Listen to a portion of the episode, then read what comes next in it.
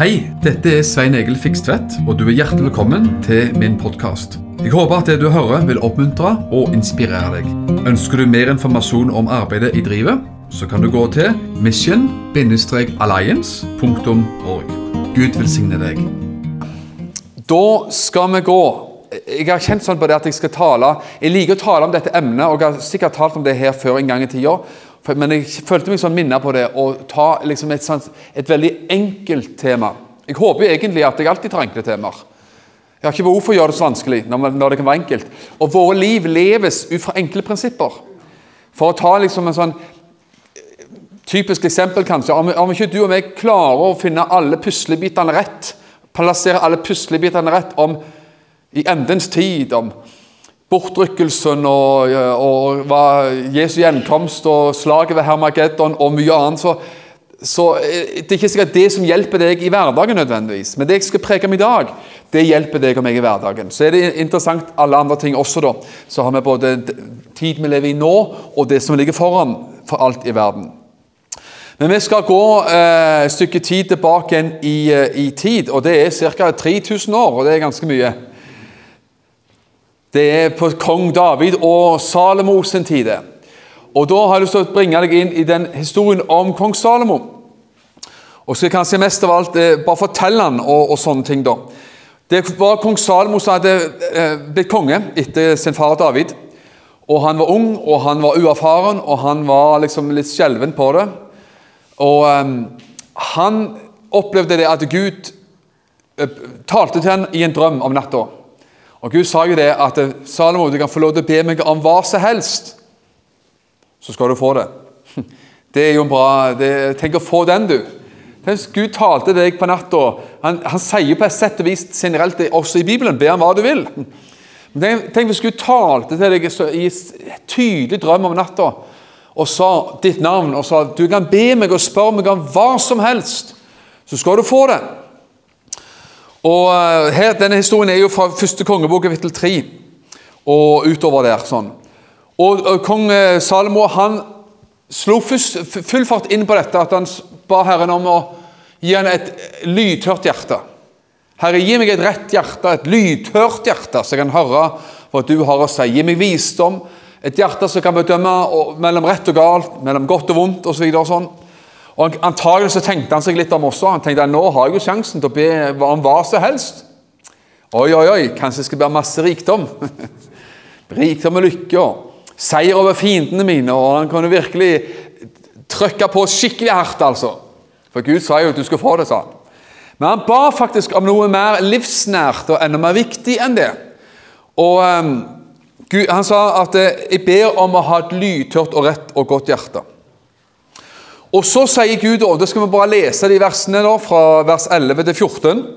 Som en respons så sa Gud til han, fordi du har bedt om dette, og ikke bedt om et langt liv for deg selv, og ikke bedt om rikdom til deg selv. Altså, legg merke til det, til deg selv. Han har ikke bedt om alt mulig til seg selv. Og ikke bedt om å få ta livet av fiendene dine, men har bedt om forstand til å dømme på en rett måte før, eh, har, før eh, har vært noen som eh, er den like, og heller ikke skal stå fram etter deg. Nå, nå hoppet jeg litt her. Du dømmer rett måte. Se, jeg gjør etter dine ord. Altså Gud sa, jeg skal gi deg det du ber om. Jeg skal gi deg et vist og forstandig hjerte, så det aldri før har vært noen som er den like, og heller ikke skal stå fram etter deg.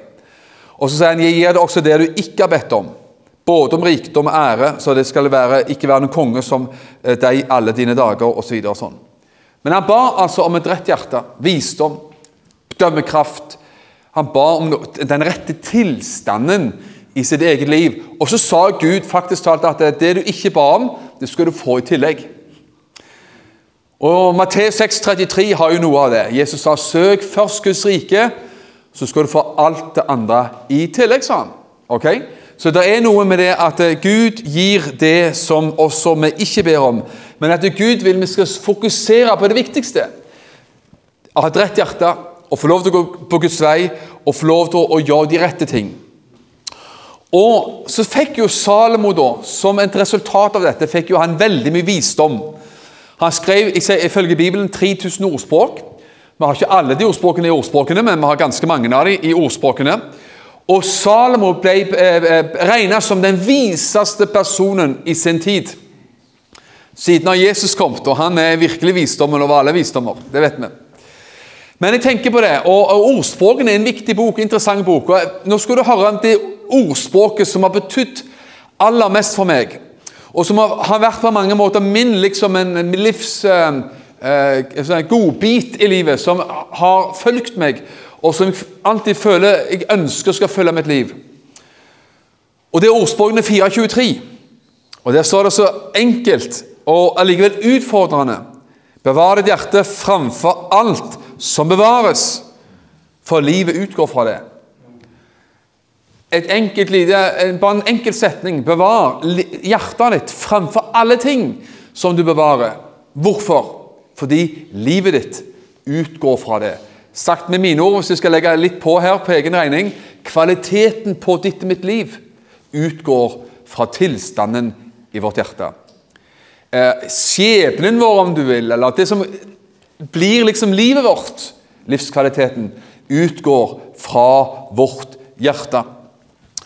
Og jeg tenker på det, Hvorfor er det så viktig å bevare sitt hjerte? Du vet, Vi liker å bevare mange ting i livet. Men like bevare, Har du kjøpt noe dyrt, en dyr bil, ny telefon Et eller annet som bare har en verdi for deg, så, så vil du bevare det. Du passer på det. Du, du, beskytter det, for du vet at du, vil, du, har jo betalt en pris for det, og det har en viktighet for, for livet. Men viktigere enn alle sånne ting som måtte ha en stor affeksjonsverdi eller kostnadsverdi, pengeverdi for oss, så er nettopp dette å bevare hjertet vårt framfor alle ting som bevares.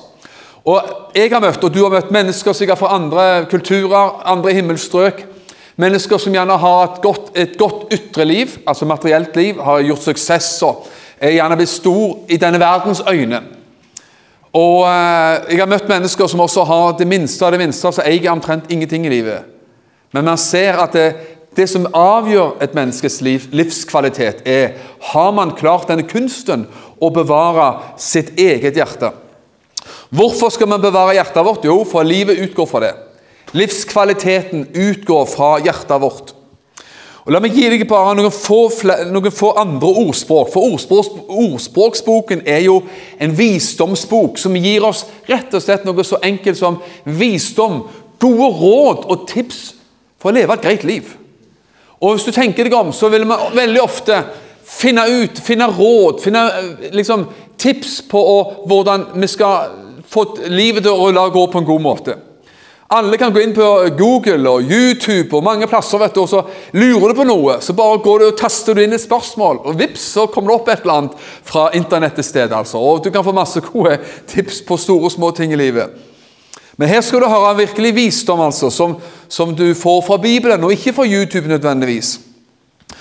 Ordspråkene 14-13 sier et sunt hjerte er liv for hele legemet. Men misunnelse er råte for beina. Så Han snakker ikke bare med sunt fysisk hjerte, gjerne det også, men hjertet, altså til vårt indre liv, ånd og sjel. ikke sant? Et sunt hjerte er, det skaper liv for kroppen. Det skaper liv utover bare hjertet. Det, det, det trenger fram, og det blir sunt. Men misunnelse det råter for beina. Det, det tærer på livet. Ordspråkene 1722. Et lykkelig hjerte gir god helse. Et lykke, bare tenk deg om. Dette med glede i livet, et lykkelig hjerte.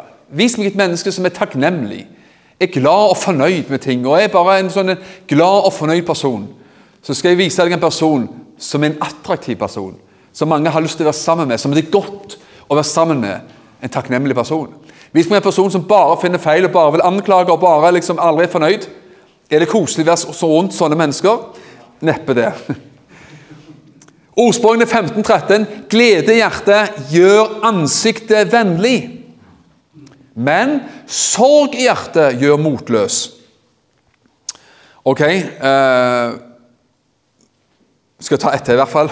Ordspråkene 18-14.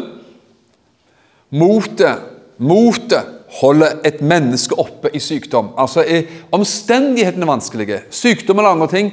Motet har du et godt mot, har du glede, har du en god kilde her inne, så kan man klare å ha denne oppdriften selv når omstendighetene er vanskelige.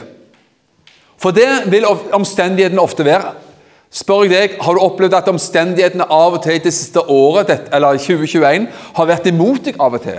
At det er vanskelige ting i, i eh, arbeidsplass, eller koronasituasjon, eller familie, eller økonomi, eller permittering fra jobb Jeg vet ikke. Har det vært vanskelige omstendigheter av og til, så vil du antagelig si ja, det har det vært. Men motet holder oss oppe gjennom alle ting. Og vet du hva? Hvorfor skal vi bevare vårt hjerte? Jo, vi har sagt det allerede, livet utgår fra det. Kvaliteten på vårt liv utgår fra det. Men også fordi at vi anerkjenner, vi innrømmer at vi faktisk lever i en vond verden. Og verden den har på mange måter, Hvis vi tenker bare de siste få årene, så har verden blitt mer og mer spinnsjuk og spinngal. Vet For 20 år siden så var det så optimistisk, og det var fred mellom USA og Russland. Og, og det var demokrati her og demokrati der. Det var Mange av disse statslederne sikra seg makt på livstid, og, og, og, det er mange mørke skyer på horisonten. Men tross det så kan du og meg veve godt mot. Det kan vi faktisk.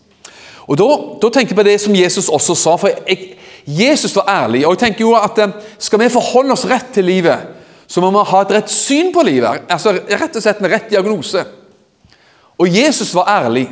Han, han ga ikke folk falske håp og, og liksom rare beskrivelser. Derfor så liker jeg dette ordet som Jesus sa, for det binder det positive og det om du vil, såkalt negative sammen. Johannes 16, 33.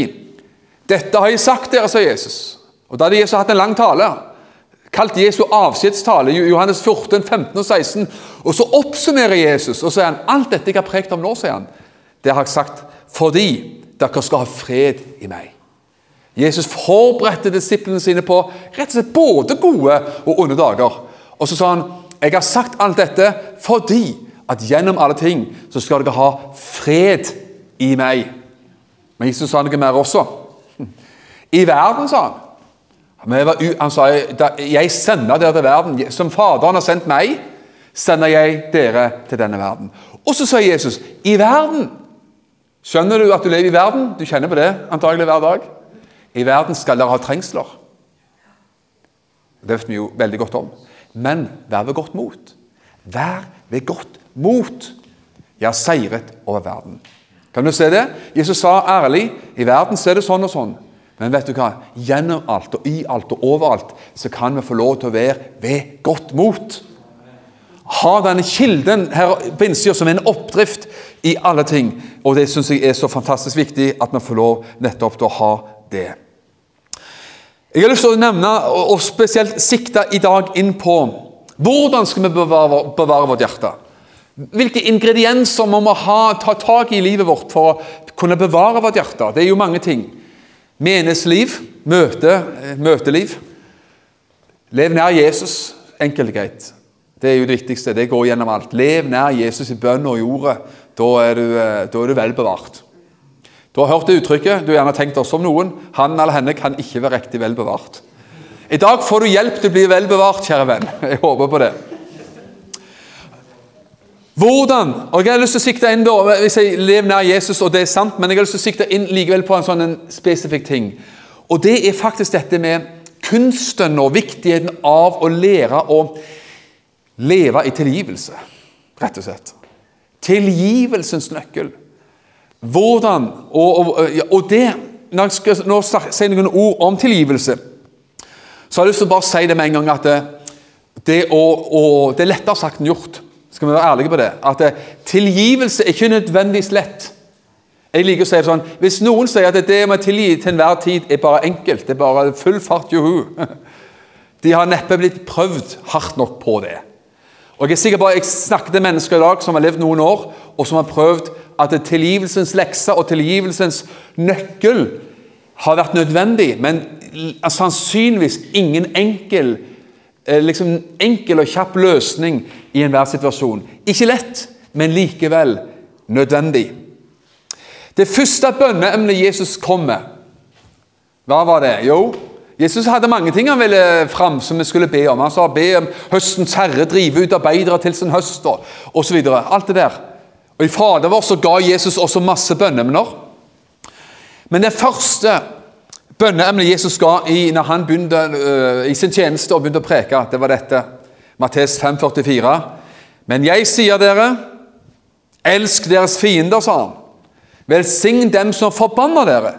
Gjør godt mot dem som hater dere og be for dem som ondskapsfullt utnytter dere og forfølger dere. Altså, Dette med å elske sine fiender, be for de som forfølger oss og utnytter oss og alt mulig.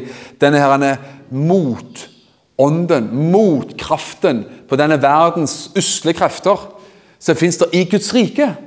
Og i Guds liv og i Guds natur en fantastisk motkraft som heter tilgivelse og jeg husker, Det har jeg liggende igjen på PC-en. Jeg, jeg, tok vare på den, en liten sånn film en gang, en liten filmsnutt.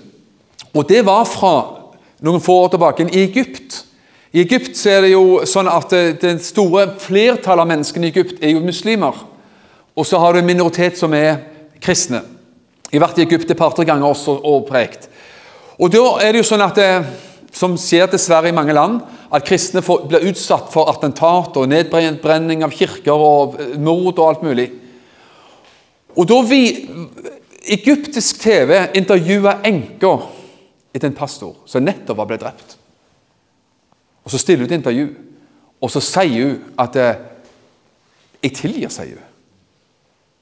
Og så bare fortalte jeg eh, at jeg tilgir. Satt igjen der med små barn. Og vet du hva? Når den reportasjen, filmsnutten, var over på nyhetssendingen på egyptisk TV så Han, han nyhetsoppleseren som satt der på nyhetssendinga, uten å ha kontroll, så begynte han å rett og slett å gråte og grine, som man sier på stangersk. Gråte. Av en muslim, antagelig. Så sa han, helt, altså, uten, langt ut forbi manuset sitt Hva er det, sa han, hva er det med dere kristne som kan møte sånne ting med å si at vi tilgir? Sånn.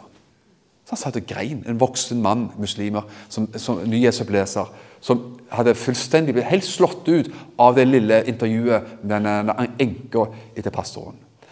Og Tilværelsen er egentlig full av sånne dessverre kan man si også fryktelige hendelser og attentater og mord på kristne.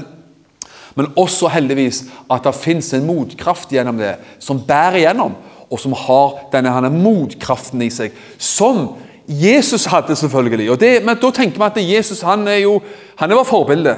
På korset sa han 'tilgi dem, Herre', for de vet ikke hva de gjør. Det sa han, og det, det vet vi jo. Så tenker vi kanskje underbevisst at det, var jo Jesus, han er jo litt mer fullkommen enn oss. Og det er han. Men så er det også i Bibelen historiens og, Bibelens, og, og historiens første martyr, Stefanus, som sa nesten det samme som Jesus. Når han ble steina i hjel, Herre, tilregn dem ikke denne, denne synd, sa han. For det var en synd. Men tilregn dem ikke denne synd, og så sovna han steina i hjel og sovna inn i døden. Hvilke, hvilken kraft det er i nettopp dette som har med tilgivelse å gjøre. Og nettopp den måten man kan møte tilværelsen på for å bevare vårt hjerte. For at det, vi skal bli riktig vel bevart, for å si det sånn. For at når man har gått gjennom livet år etter år og tiår etter tiår, så tenker jeg ofte på Jeg må si jeg beundrer sånne mennesker som man har møtt. Som har møtt eh, motstand fra mennesker og møtt også livets tragedier. Og Det var noe av det som berørte meg så sterkt når jeg var pastor og ofte skrev minneord i forbindelse med noens død og bortgang. Og, og visste om hva den eller den hadde gått igjennom av gjerne tap av. De hadde gjerne mistet et barn, i, eh, en sønn eller datter tidlig i livet f.eks. Og gått igjennom fryktelige ting. Og så kjente jeg disse menneskene sjøl, ofte som jeg hadde, begra hadde, begravelsen for, og visste hvor positive de var, hvor, hvor, hvor frie og glade de var, selv om de hadde gått gjennom vanskelige ting i livet.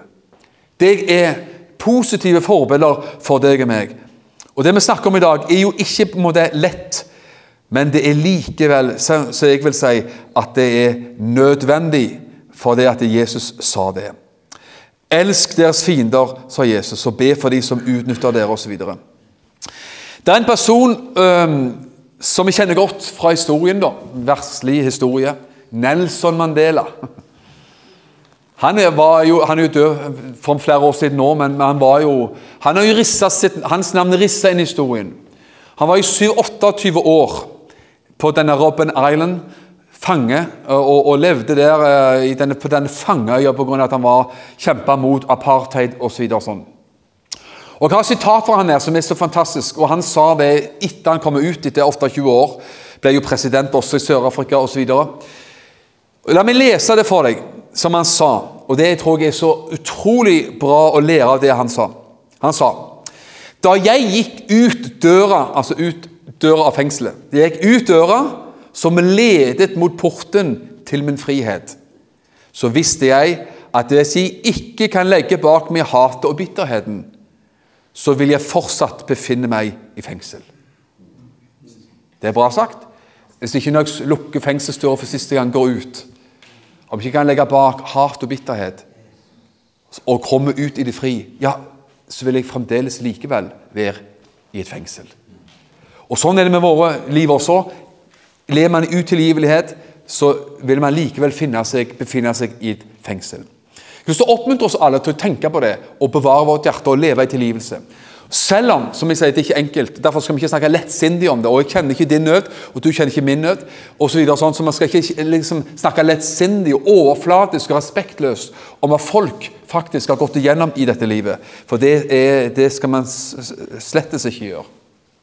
Personlig har gjennom årenes løp faktisk i lange perioder, spesielt to lange perioder, eh, daglig i lange perioder innenfor Gud sagt 'Herre, jeg tilgir den og den personen'. Her, Jeg ber om at det, det skal gå godt for den personen. Jeg, jeg velsigner i Jesu navn den og den personen. Og så har jeg har bedt ut tilgivelsesbønn og velsignelsesbønn over folk i noen få perioder i mitt liv, som har vart kanskje over flere måneder. faktisk daglig. Hvorfor gjorde jeg det? Ja, fordi jeg mente det, selvfølgelig. Men om jeg skal til og med si det på den måten Om det ikke var for annet enn for min egen egoistiske grunn, så var det verdt det. For jeg visste at hvis bitterhet eller hat eller utilgivelighet eller noen sånne bulker i livet slår inn og blir sittende på livet mitt, så vil det prege mitt liv. Og det har man helst ikke råd til. Men jeg har ikke bare gjort det av egoistiske grunner, men også fordi at man skal gjøre det og mene det. Jeg kjenner en predikant som jeg sa også når jeg var, hadde vel undervisninger som Ragnar sikta til på bibelskolen i, i, i, i Mor, eh, eh, Himmelpartners bibelskole. En predikant som jeg av til hører på, han sier det. denne predikanten, han sier, 'Jeg tar nattverd', sa han. Så langt, det, så langt det praktisk er mulig, så tar jeg nattverd hver dag, sa han. Og Det går an. Vi kan sette oss med et lite glass med rød saft eller hva som helst, og et lite brødbit, og, og, og ta dette som Jesu legeme og blod. Det er klart man kan. Og Han sa at det gjør han, og, og, og takke og prise Jesus for forsoningen. Takk for blodet som har rent for min skyld, og takk at du døde for meg, Jesus, osv. Bare fokusere i vår bønn og takksigelse på Jesu forsoning, mens man da tar brødet og vinen eller brød og safta, eller man enn, hvordan man enn gjør det. sant? Så sier denne predikanten, Veldig ofte så sa han, han sitter sånn og takker Gud for forsoningen, så ber han ofte om nåde over, og velsignelse over mennesker som har skrevet stygt om han på Facebook og skrevet stygt om han på Internett, og som har advart mot han og, og hetsa han og hunsa han og alt mulig. Og det, hvor, hvor, viktig er ikke det å gjøre det?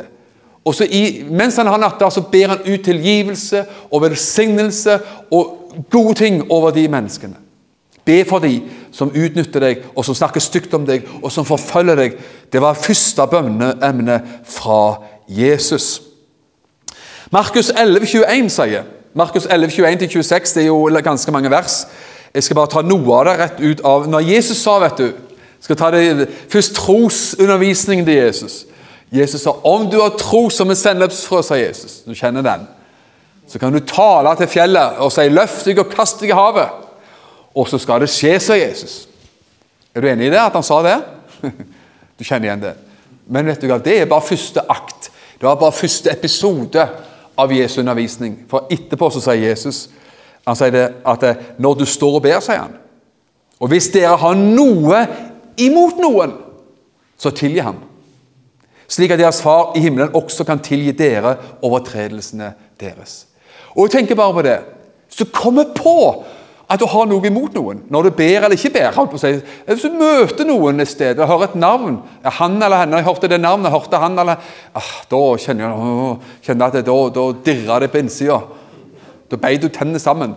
Ja, hvis, du, hvis du kjenner at du møter noen i butikken og du prøver å snu deg vekk eller unngå et blikk eller, Da be. Da tar jeg, lager min egen, egen oversettelse. Møter du sånn, sånne mennesker så du helst lyst til å springe vekk ifra, ja, da husk på å be, kanskje. Tilgi. Så kjenner jeg at det er noen navn og noen personer som kommer opp i minnene som er vanskelige, så la oss huske på å velsigne dem og be for dem og utbe og utrope tilgivelse. Som jeg har sagt sjøl, jeg har trengt å gjøre det et utall av ganger overfor samme folk, faktisk. Og jeg har gjort det så lenge jeg har følt jeg trengte å gjøre det, faktisk. Om det ikke slipper tak i mitt eget liv, ved én bønn og én velsignelse så gjør jeg det helt til slippet.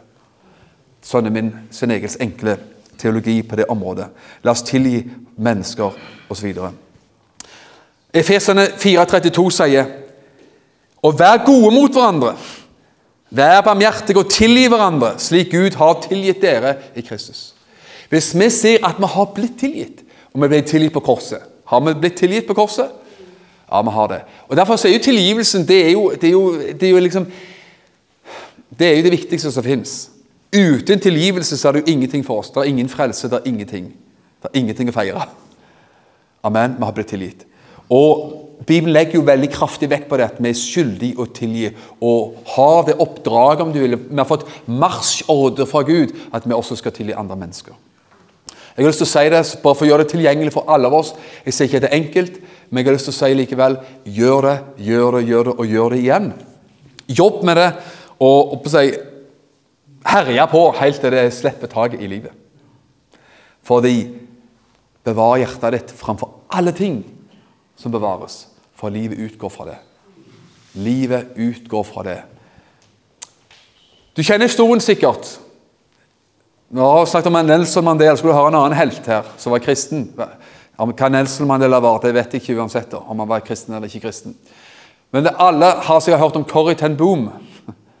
Hollandsk dame som eh, bodde mange mange år på slutten av sitt liv i USA.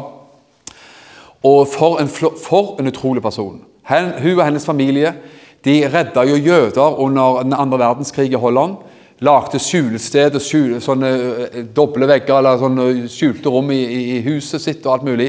Gjemte unna, unna jøder som da blir redda mot fra å, bli sendt i konsentrasjonsleir. Så ble de oppdaget, og hun og søstera i hvert fall ble sendt til konsentrasjonsleir. Og, og søstera døde der. Corrie ten Boom hun overlevde. Og forkynte jo evangeliet egentlig siden den gangen. Siden krigen.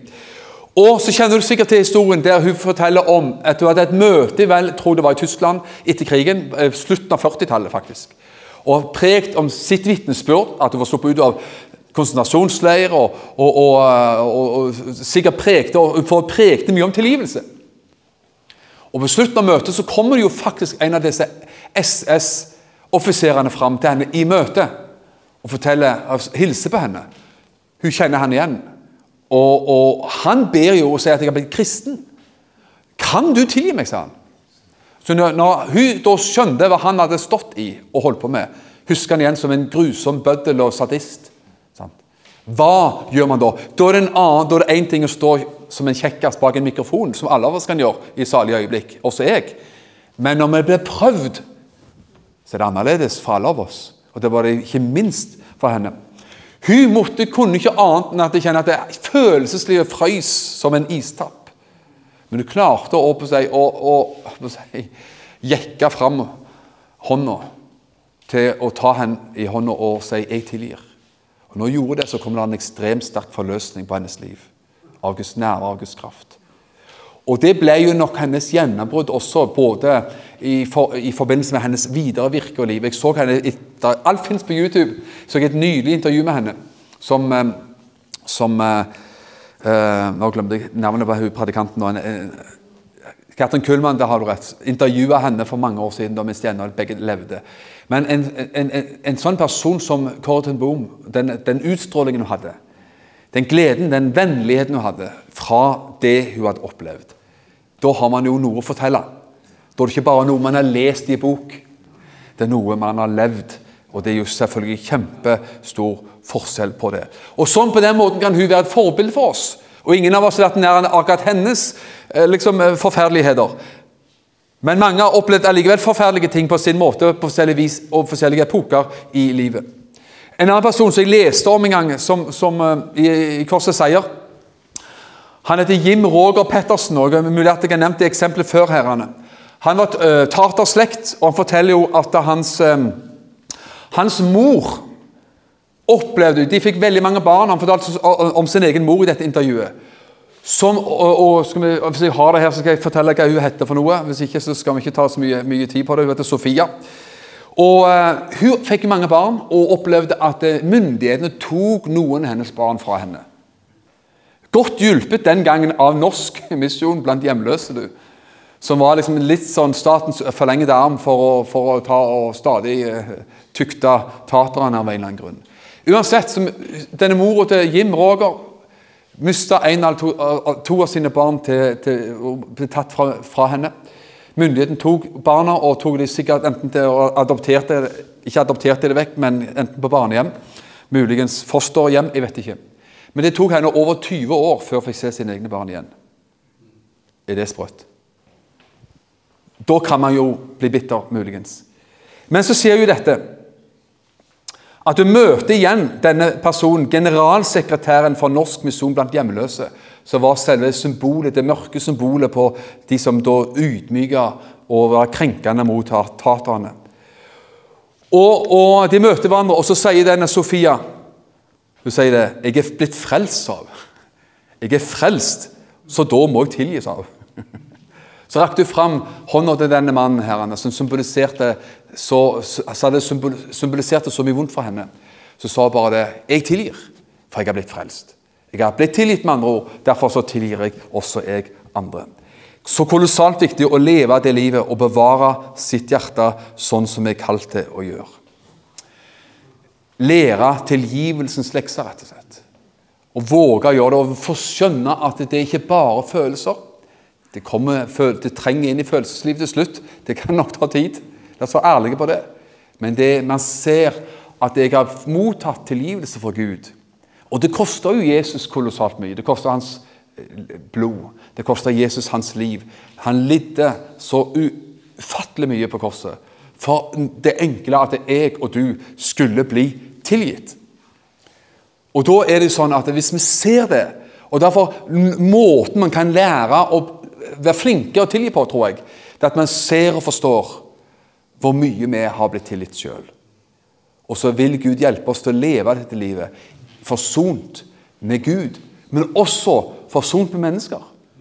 Hvis vi andre ikke tilgir oss, og andre ikke vil ha fred og fordragelig med oss, så sier Romerbrevet kapittel 12 så langt det står til dere Så langt det står til dere på, så, langt vi, så langt vår rolle rekker, så skal vi holde fred med alle mennesker, sier Bibelen. Og det er så kolossalt viktig. Når vi snakket innledningsvis om kong Salomo her, så sa jo han han ba Herre, gi meg et vist hjerte, gi meg å dømme rett. La meg ha et rett hjerte som kan gjøre de rette ting. Så er det nettopp det vi kan be om, at vi skal bevare våre hjerter i en verden som er vond og vanskelig. Og vi bevarer våre hjerter i en verden som kanskje blir mer vond og vanskelig.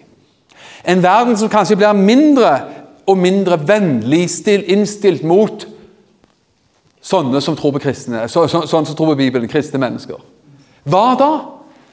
Vi kan få lov til å finne den nøkkelen som gjør at vi lever over, og man kommer igjennom, man vinner mennesker, man utbrer Guds rike, og man er vel bevart i våre liv. Tragedien er at Salomo sjøl ikke var så vel bevart. Han sa Gud, gi meg et rett hjerte, sa han. Gi meg et godt og rett hjerte, så jeg kan dømme ditt folk og gjøre de rette ting som en ung og uerfaren konge. Så skrev han ordspråket sitt. Bevar ditt hjerte framfor alle ting som bevares. Så sier Bibelen likevel senere at han kompromisser på sitt liv. Han begynner å tulle og vase med masse fremmede kvinner, hedenske kvinner, og, og lagde seg et formidabelt harem av kvinner som ikke var etter Guds hjerte i det hele tatt. Og så sier Bibelen ganske sånn nøkternt og tragisk, om du vil.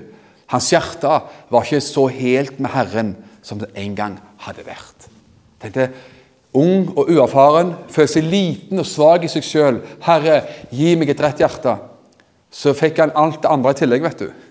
Alt det andre i tillegg. Og så skeier han litt ut og tuller og vaser med livet sitt.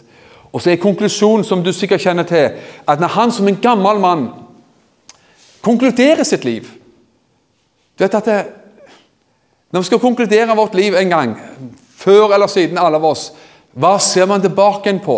Hvordan oppleves, hvordan oppsummerer vi, oppsummerer vi da vårt liv? Og Da sier Forkynnerboken kapittel 2, vers 1-11. Det er jo ganske mange vers, så jeg skal ta noen av det, noe av det. Og han sier det at 'jeg sa i mitt hjerte' Han var en gammel mann som reflekterte over livet sitt. 'Gå nå og prøv gleden og nyt det som har gått.' Men også dette var forgjengelig, eller tomhet. Om latteren sa jeg, 'Den er en narr', og om gleden, hva tjener den til? Jeg bestemte meg for å la kroppen nyte vin, mens hjertet ledet, ledet meg ved visdom. Jeg ville prøve dårskapen helt til jeg forsto hva som er godt for menneskene den korte tiden de lever under himmelen. Så sier han hvordan han levde som konge. Jeg satte, jeg satte, så satte jeg store ting i verk. Jeg bygde hus og plantet vingårder, sa han. Jeg anla hager og parker. Jeg bygde dammer for å vanne lunder med frodige trær. Jeg kjøpte slaver og slavekvinner. Jeg hadde storfe og småfe fe, mer enn de som hadde vært før meg i Jerusalem. Altså før alle andre. Uh, han hadde mer enn alle de.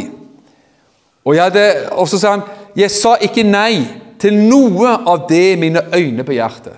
Altså, Han oppsummerer som en gammel mann, og så sier han at jeg, jeg hadde alt. sier han. Jeg hadde hager og parker og masse damer. og Jeg hadde, jeg hadde alt mellom himmel og jord. Og så oppsummerer han alt mine øyne så på kunne jeg få tak i. Jeg kunne bare peke på noe, så var det mitt. Han var en ordentlig gammeldags eh, si, Midtøsten-konge. altså. Men hva kan han si som en konklusjon? Se, sier han, alt er tomhet. Tomhet. Er ikke forskjell da på at denne unge Salomo, som en gang som en ung mann, sier 'Å Gud, jeg er fersk, jeg er ny konge, jeg har ikke erfaring', 'Vil du gi meg et rett hjerte', sier han. Det var en visdom, han fikk det. Og det han reflekterer da til slutt og sier Gud, jeg har jo hatt alt. Alt jeg kunne begjære, alt jeg kunne se, alt jeg kunne ønske meg i livet. Men likevel så er det tomhet. Han, had, han klarte ikke å bevare hjertet sitt på den måten som han gjerne skulle. Men kjære venn, det kan du og meg.